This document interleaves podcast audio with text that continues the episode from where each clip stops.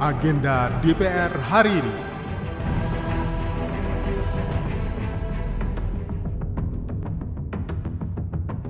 Pagi, apa kabar? Kembali lagi di agenda DPR hari ini, Rabu, 11 Januari 2023. Bersama saya, Tiara Mustika.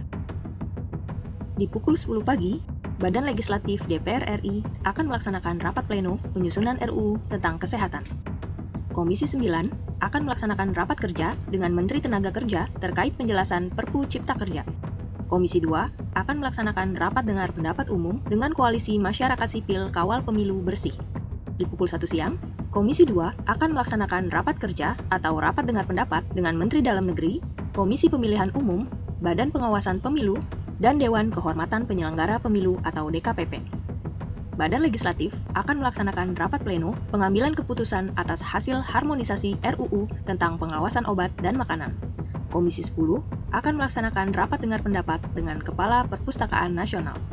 Sekian agenda DPR hari ini. Jangan lupa untuk terus menyimak dan mengikuti kegiatan DPR RI serta dengarkan siaran langsungnya di website tvr.dpr.go.id/radio.